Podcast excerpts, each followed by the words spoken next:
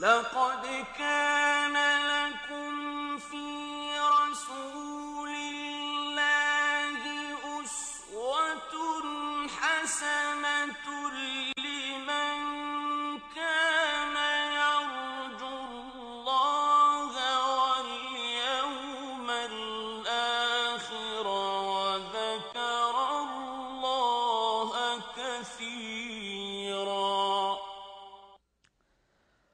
بسم الله الرحمن الرحيم. الحمد لله رب العالمين والصلاة والسلام على سيدنا محمد وعلى آله وصحبه وسلم أجمعين. أيها الإخوة والأخوات السلام عليكم حيثما كنتم ورحمة الله تعالى وبركاته وطيب الله أوقاتكم بكل خير. ووفقنا الله وإياكم إلى اقتداء كل هدي نبوي والسير في حيثما سار النبي صلى الله عليه وسلم والإستنارة بكل فعل فعله عليه الصلاة والسلام ونحن هنا في هذه المصابيح مصابيح السنة هذا البرنامج وهذه السلسلة من الحلقات التي تأتيكم مقدمة من وزارة الشؤون الإسلامية والأوقاف والدعوة والإرشاد. ومع ضيفنا الكريم نحاول قدر الاستطاعة أن نأتي على كل هدي نبوي ثم نسقطه على واقعنا كي نكون بإذن الله تعالى ممن وفقوا للاقتداء بالنبي صلى الله عليه وسلم. أرحب ابتداء بفضيلة الشيخ الدكتور عمر بن عبد الله المقبل الأستاذ المشارك بكلية الشريعة والدراسات الإسلامية بجامعة القصيم. دكتور عمر حياكم الله وأهلا أهلا بكم. وسهلا. حيا الله الأخوة المشاهدين والمشاهدات. المشاهدون والمشاهدات مدعوون في هذه الحلقة للانضمام إلينا والمشاهدة والاستماع. إلى ما سنعرض إليه من موضوع هام بإذن الله تعالى للجميع. وكلنا بشر وكلنا نحتاج إلى العواطف وكلنا مطلوب منا أن نكون كذلك مشبعين لعواطف من حولنا من إخوة وأخوات وأطفال وزوجة وغير آه، أولئك من الذين يهمهم أمرنا أو يهمنا أمرهم. النبي صلى الله عليه وسلم كان له في هذا قصب السبق كما في كل أمور الخير عليه الصلاة والسلام. ولذلك سنأتي على مجموعة من المواقف التي كان فيها النبي صلى الله عليه وسلم مشبعا للعواطف ثم نرى كيف حالنا مع هذه العواطف وإشباعها. كيف كان عليه الصلاة والسلام. الحمد لله صلى الله وسلم وبارك على عبده ورسوله نبينا محمد وعلى آله وصحبه أجمعين أما بعد. آه، تثار في هذه الأوقات كلمة آه، يعني أو مصطلح الجفاف العاطفي. ويتحدث المختصون عن أسبابه ويفيضون كثيرا في هذا. لكن آه، آه، يعني آه، يعني الذي أتمنى أن نساهم من خلال هذه الحلقة كما يساهم غيرنا إن شاء الله تعالى من ال- الأخوة الدعاة والمختصون في أبواب ال- الأمور الاجتماعية والنفسية نحاول أن نبرز هذا الوجه أو هذا المعنى العظيم الراقي وهو إشباع العواطف. كما تفضلتم نحن مجموعة من العواطف. بشر من البشر نحزن ونفرح. نبكي ونضحك. نسر ونساء.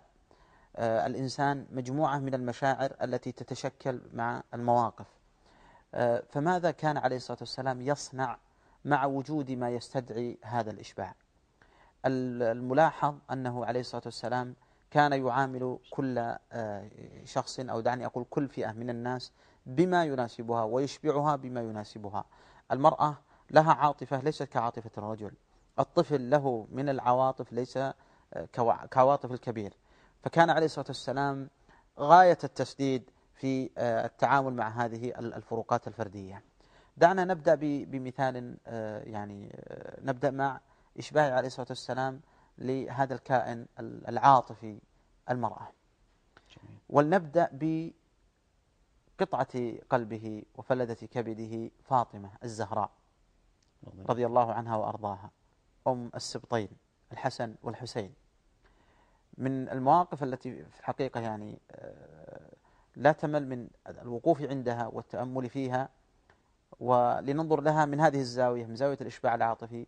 نحن نعلم أن فاطمة فجعت بوفاة أمها منذ زمن مبكر فهي ابنة خديجة زوجته التي ملكت عليه آه، شغاف قلبه. آه، موت الأم لابنة صغيرة كفاطمة آه، ليست بالسهلة ومن فجعت بوفاة أمها تعرف ذلك. وعاطفة الأم لا يسدها أي عاطفة لا عاطفة أب ولا عاطفة زوج. نعم هذه مكملات وهذه مسددات لكن يبقى فقد الأم له ثلمة وثغرة لا يسدها شيء لكن من نعمة الله سبحانه وتعالى الإنسان أنه يعني ينسى يعني في كثير من هذه مع تقادم الزمن. فماذا كان يصنع عليه الصلاة والسلام ليسد هذه الثغرة؟ ليحاول قدر الإمكان أن يسد هذا الفراغ الموجود تجاه الأم. فاطمة رضي الله عنها تزوجت صغيرة وفجأت بوفاة أمها كما تقدم. كان نبينا عليه الصلاة والسلام يتخولها بالزيارة بين الفينة والأخرى. فمرة من المرات وهي أيضا تبادله ذلك. فجاءت مرة من المرات إلى بيت أبيها صلى الله عليه وسلم. فما كان منه إلا أن قام يستقبلها ويقبلها. من هنا بدأ الإشباع. القيام إشعار بالاهتمام. فهو لم يكن جالسا عليه الصلاة والسلام في مكانه ويسلم عليها وهي واقفة وكيف الحال وتفضلي لا قام عليه الصلاة والسلام ليشعرها باهتمام ويقبلها. فقط لا. ويجلسها في مكانه الذي يجلس فيه هو صلوات الله وسلامه عليه. ثم يأخذه الحديث وكان هذا الموقف قبل وفاته بأشهر قليلة جدا. فهنا يأتي عليه الصلاة والسلام ليهيئ هذه البنت لمصيبة عظيمة ستنزل بها. قدر ماض وهو خبر وفاته عليه الصلاة والسلام. اللهم فيقر في أذنها بهذا الخبر فتبكي وحق لها. حق لها. لكن انظر كيف عالج النبي عليه الصلاة والسلام هذه المصيبة بخبر آخر. فقر في أذنها مرة أخرى فضحكت. مضى انتهى المجلس. وتتساءل النساء نساء النبي عليه الصلاة والسلام من حوله عن هذا الضحك والبكاء في هذا الوقت القصير. فكاتمت هذا الخبر حتى توفي. حتى مات حتى مات عليه الصلاة والسلام. فتتساءل النساء عن ذلك الموقف لأنه موقف غريب. فتقول سارني في أول الأمر بأنه بأنني قرب أجلي. وسارني في الثانية بأنني أول أهل بيته لحوقا به. وبالفعل ستة أشهر ثم تلحق به فاطمة رضي الله عنها. تصور يعني على قلب بنت لم يبقى من بناته عليه الصلاة والسلام فيما أذكر إلا هي أو أخت لها الآن نسيت. أمها سبقتها إلى الدار الآخرة. رقية وأم كلثوم أو زوجات آه، عثمان رضي الله عنه أيضا سبقناها إلى الدار الآخرة. آه، بقيت آه، زوجة ثالثة نعم بقيت هي وأخت لها فيما أذكر الآن أظنها أم كلثوم. نعم أظنها أم كلثوم. المقصود تهيئة النبي عليه الصلاة والسلام لهذا. أولا لاحظ الاستقبال التقبيل إجلاسها في مجلسه عليه الصلاة والسلام. لا شك أن هذا من أعظم ما يكون من إظهار التقدير والاحترام. خبر الوفاة يا أبا أسامة لو جاء على جاء على عمر من هو عمر؟ خبر كالصاعقة ولا يلامون. حتى لما تيقن عمر خبر الوفاة قال لم تحملني رجلاي وهو عمر. فكيف تتصور بتلك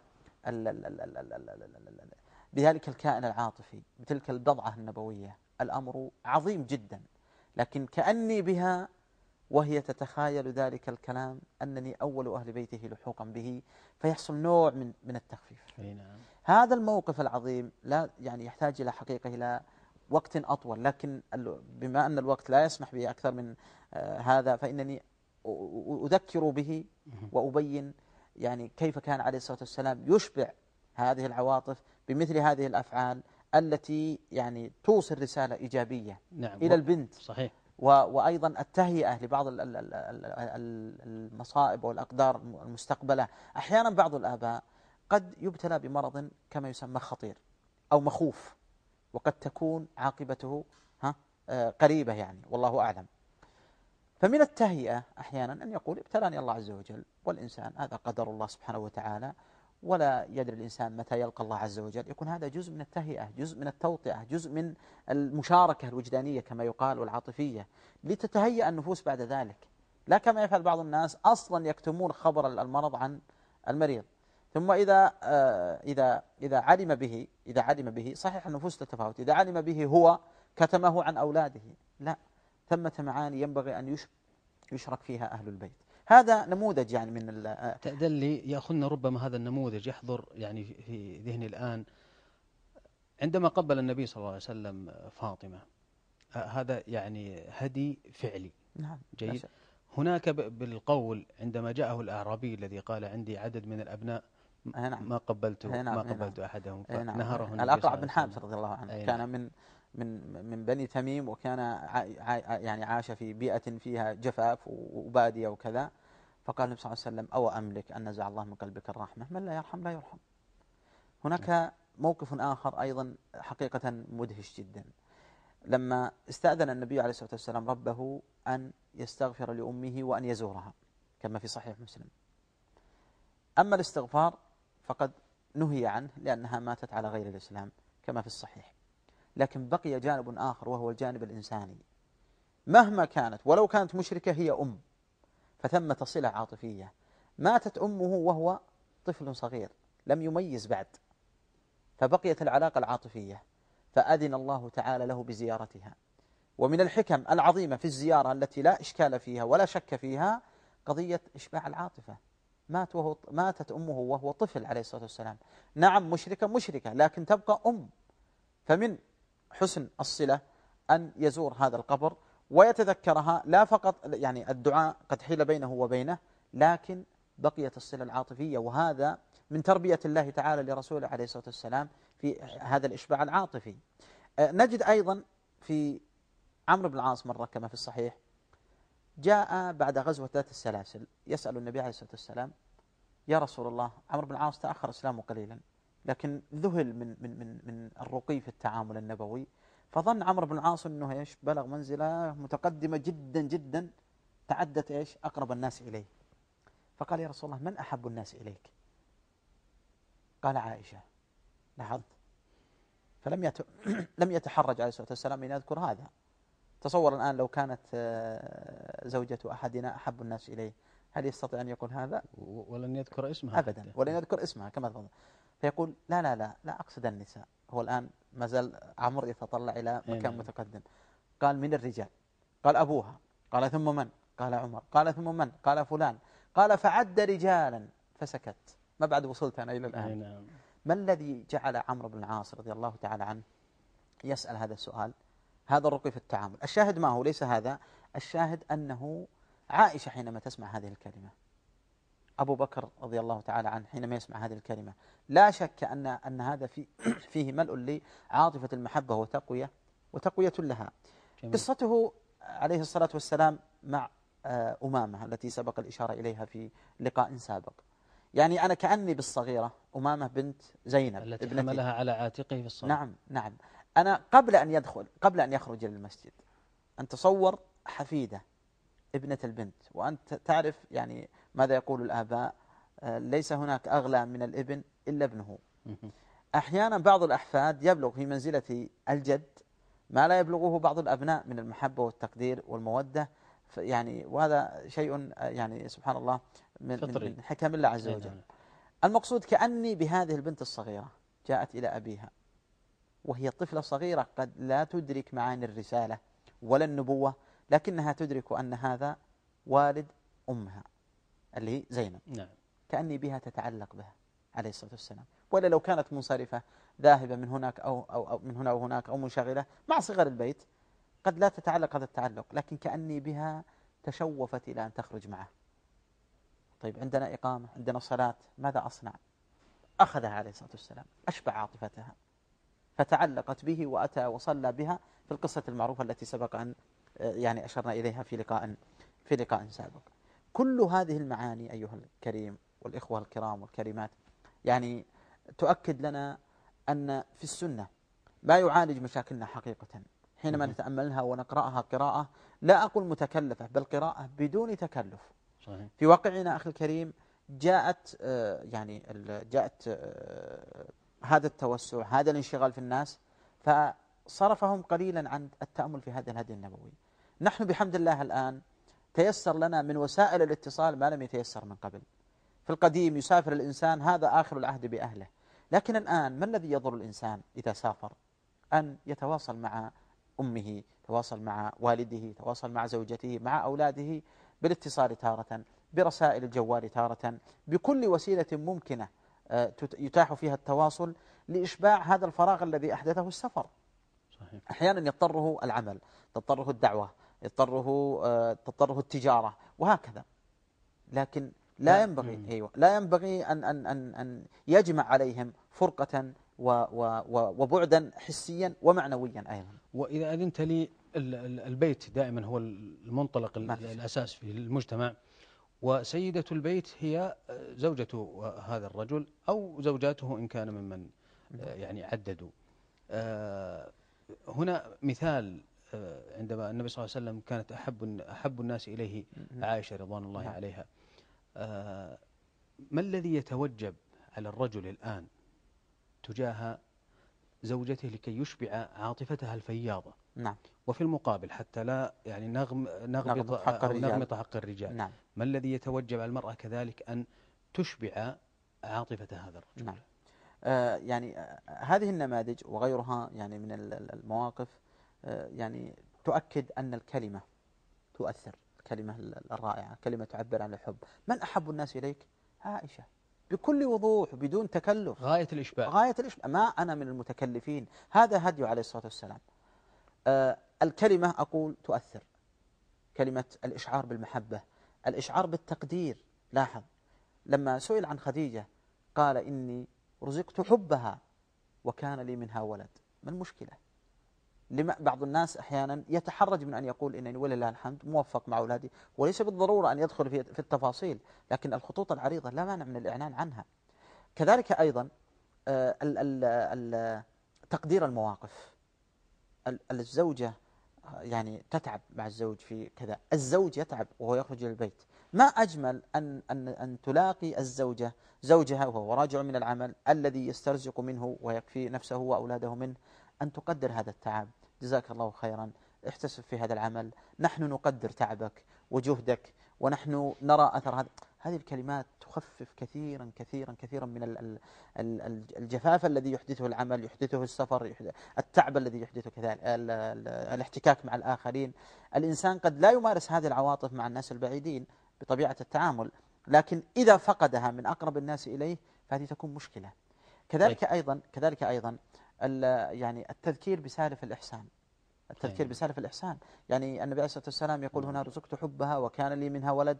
ويذكر سيرتها السابقة في صبرها وفي تقبلها عليه عليها. وإيوائه وتجميله نعم إيوائها رضي الله تعالى عنها وأرضاها.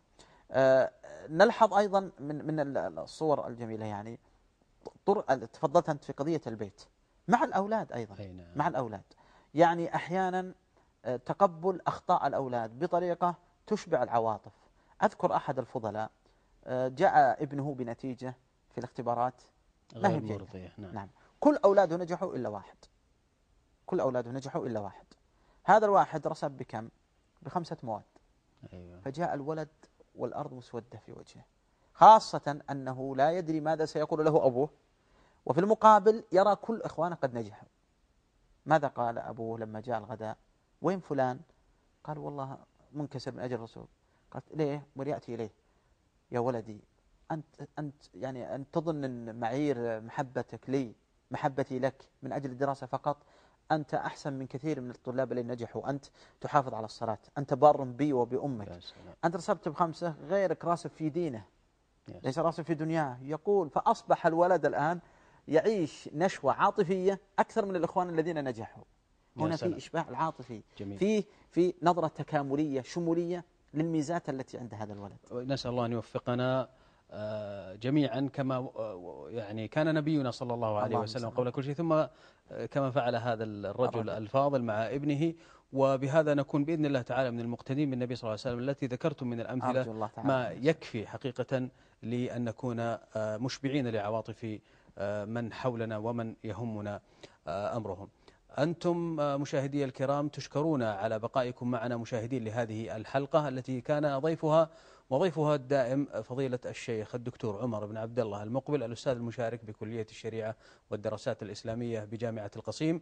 نلقاكم على خير. السلام عليكم ورحمة الله وبركاته. السلام لقد كان